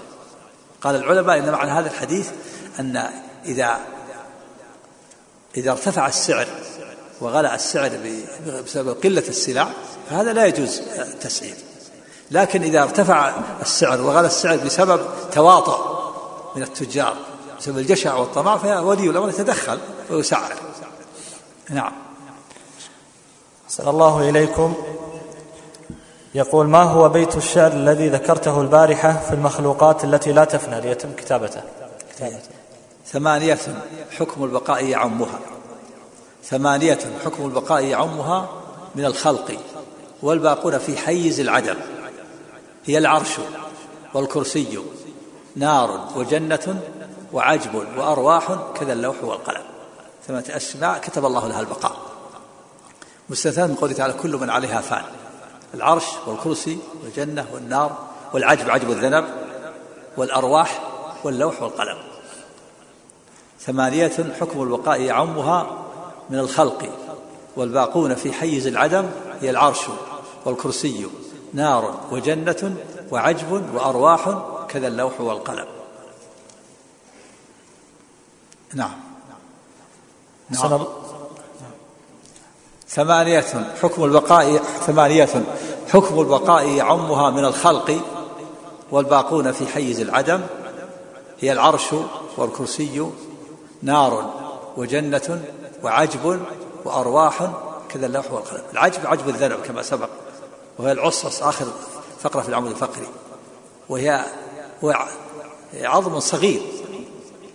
يشبه الحبة كالبذرة التي يخلق بها اللسان ويشاء منها اللسان تبارك الله. نعم. يقول السائل ذكرتم أن النبي صلى الله عليه وسلم حين عرج به إلى السماء مر على قبر موسى عليه السلام فرآه يصلي وأيضا رآه في السماء فكيف يتم التوفيق بين الرؤيتين؟ أنا قلت إن الأرواح لها شأن غير شأن الأجساد الأرواح خفيفة. رآه قائما يصلي فالروح تأخذ شكل الجسد. لما مر في الإسراء. فلما عرج به إلى السماء وجدها في السماء وجد موسى في السماء السادسة. وجد الأنبياء الروح تأخذ شكل الجسد. إلا عيسى فإنه رفع بروحه وجسده والأرواح لها أحكام تختلف عن أحكام الأجساد. سريعة في الطيران خفيفة. فهو رآه قائما يصلي في قبره وصعدت الروح إلى السماء السادسة. نعم. يقول السائل هل تتفاوت رؤية المؤمنين لله عز وجل في الجنة؟ نعم على حسب الأعمال. تتفاوت؟ على حسب أعمالهم والرؤية نعيم. والنعيم يتفاوت كما سبق الجنة درجات نسأل الله كل درجة عليا أعظم نعيم من الدرجة التي تحتها. والنار والعياذ بالله دركات. كل دركة سفلى أشد عذابا من الدركة التي فوقها. والمؤمن يتفاوتون في النعيم وفي رؤية الله. نعم. ومنهم من الله بكرة وعشية. نسأل الله فضله. نعم. أحسن الله إليكم. يقول السائل ما هو التفسير الباطل لقول الله عز وجل حسبك الله ومن اتبعك من المؤمنين حسبك الله ومن اتبعك من المؤمنين. قلنا إن الحسب والكفاية. خاص بالله. والتفسير الباطل أن أن يعطف ومن اتبعك على الله ويكون معنى حسبك الله والمؤمنون. وهذا خطأ. الحسب والمعنى حسبك ومن اتبعك من المؤمنين الله. فالحسب والكفاية لك يا محمد ولما اتبعك من المؤمنين من الله خاصة. أما إذا عطفت الحسب على الله فيكون الكفاية من الله ومن المؤمنين. هذا باطل. حسبك الله ومن اتبعك من يعني والتقدير حسبك ومن اتبعك من المؤمنين الله. يكفيك الله من المؤمنين أما إذا عطفت المؤمنين على الله يكون معنى يكفيك الله والمؤمنون. هذا باطل. لأنك جعلت المؤمنين شريكا لله في الحسب والكفاية. نعم. حسن الله إليكم. يقول السائل هل من الممكن إعادة الأربع مرات التي يرى فيها المؤمنون ربهم يوم القيامة؟ نعم في, في يوم القيامة يرون المرة الأولى يرونه يرون ربهم في صورة ثم يحتجب عنهم ثم يرونه المرة الثانية في في في غير الصورة التي رأوها في أول مرة فينكرون ويقول نعوذ بالله نعوذ بالله منك هذا مكاننا. ثم يرون في المرة الثالثة في الصورة التي رأوها أول مرة فيسجدون له. ثم إذا رفعوا رؤوسهم رأوه في المرة الرابعة. نعم. سن الله إليكم. يقول السائل هل كل شيء مخلوق يعتريه النقص؟ نعم كل مخلوق ناقص. له كل مخلوق فهو ليس له الكمال لا بد أن يكون عنده نقص. كل مخلوق فهو عنده نقص والكمال لله عز وجل. ومن النقص نقصه أن كل مخلوق محتاج إلى الله. لا يستطيع أن يقوم بنفسه إلا بالله. كل مخلوق وجوده بالله. لولا الله لما وجد. والله سبحانه وتعالى له أن يبقيه وله أن يفنيه. وما حصل له من الكمال فهو من الله. وهذا لا إشكال فيه. كل مخلوق ناقص. نعم. حسن الله إليكم. يقول ما رأيكم في قول ما رأيكم في مقولة الله ما رأيناه بالعقل عرفناه نعم ما رأينا ما نراه في الدنيا. الله لا يرى أحد في الدنيا. في الحديث في صحيح مسلم يقول وسلم إنكم واعلموا أنكم لن تروا ربكم حتى تموتوا. وموسى كلم الله سمع كلام الله من دون واسطة. ولما سمع كلام الله من دون واسطة طمع في رؤيته فقال قال ربي أريني أنظر إليك قال الله لن تراني يعني ما تستطيع ببشرك الضعيفة ولا تتحمل ولا تثبت للرؤيا ولكن انظر إلى الجبل فإن استقر مكانه فسوف تراني. فلما تجلى ربه للجبل جعله دكا وخر موسى صارقا. نعم لا نرى في الدنيا لكن نعلمه بالعقل وبالأدلة في الشرع والعقل والفطرة. كلها نعلم الله ونعلم أنه سبحانه وتعالى فوق العرش فوق السماء وفي العلو. نعلمه بالأدلة الشرعية التي تزيد أفرادها على ألف دليل ونعلمه بالعقل ونعلمه بالفطرة التي فطرنا الله عليها نعم. نختم بهذا السؤال. يقول نرجو إعادة الجواب على كيفية لقاء النبي صلى الله عليه وسلم بالأنبياء في المعراج وهم أموات. نعم رؤية النبي صلى الله عليه وسلم للأنبياء في المعراج كما ذكر المحقق كشيخ الإسلام ابن رحمه الله غيره أنه رأى رأى أرواحهم أخذت شكل الأجساد. رأى آدم على صورته لكن روح أخذت شكل الجسد. وكذلك الأنبياء وإبراهيم إلا عيسى. فإنه رآه بروحه وجسده لأن لأن الله رفعه بروحه وجسده. وسوف ينزل في آخر الزمان ويحكم بشريعة نبينا محمد صلى الله عليه وسلم ويكون فردا من أفراد الأمة المحمدية ويمكث ما شاء الله ثم يتوفاه الله فيموت الموتة التي كتبها الله عليها. فالنبي النبي صلى الله عليه وسلم رأى الأنبياء بأرواحهم أخذت شكل الأجساد. أحسن الله إليكم. أستأذنكم بكلمة موجزة لشيخنا الفاضل الشيخ عثمان. ذلك في ختام هذه الدورة. أسأل الله تبارك وتعالى أن ينفعنا به. وفق الله الجميع طاعته وثبت الله جميع هداه وصلى الله على محمد وآله وصحبه